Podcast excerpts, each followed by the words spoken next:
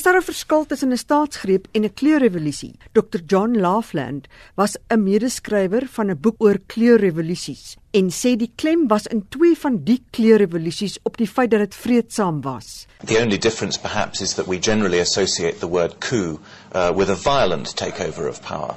In the case of the coloured revolutions, the violence, when there has been violence, has generally been fairly limited. In Ukraine, there essentially wasn't any violence. There was violence in Georgia and in Kyrgyzstan and so on. But by and large, what's interesting about these revolutions is the use of soft power, of media power. Dit weergalm in die opmerking van die president van ZAPU, die teenstander van ZANU-PF, Dumisu Dabengwa, nadat die weermag beheer geneem het oor die ZANU-PF regering. You get people being concerned and some wanting to see it as a coup.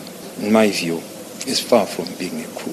It's the army taking the necessary measures to protect Zimbabwe from falling under yet another West dictator than her husband. Die eerste skrywer van die boek The Color Revolutions in the Former Soviet Union: Successes and Failures, Donaka Obaiken, sê die invloed van die weste op die revolusies is nie so groot soos aanvanklik vermoed nie. The character of the regime itself. The second was how strong the opposition was. The third was the external factors, whether they be America or Russia or the European Union. Fourth, civil society. The fifth being the people themselves and what motivates them to mobilize.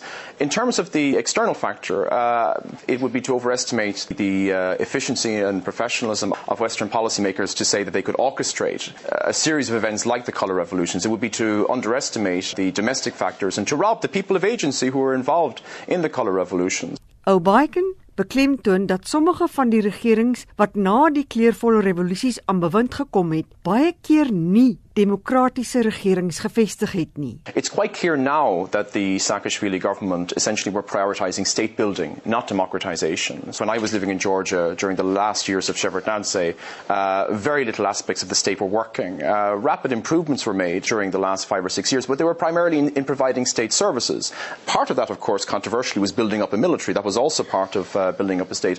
'n Ander kenner, die akademikus Lincoln Mitchell, sê nog 'n rede hoekom die regerings na die kleurrevolusies nie so suksesvol was nie, was omdat wet en orde nie behoorlik ingestel is nie. Dit blyk verder uit sy navorsing oor die kleurrevolusies dat 'n dramatiese politieke gebeurtenis nie altyd in konkrete politieke verandering ontwikkel het nie.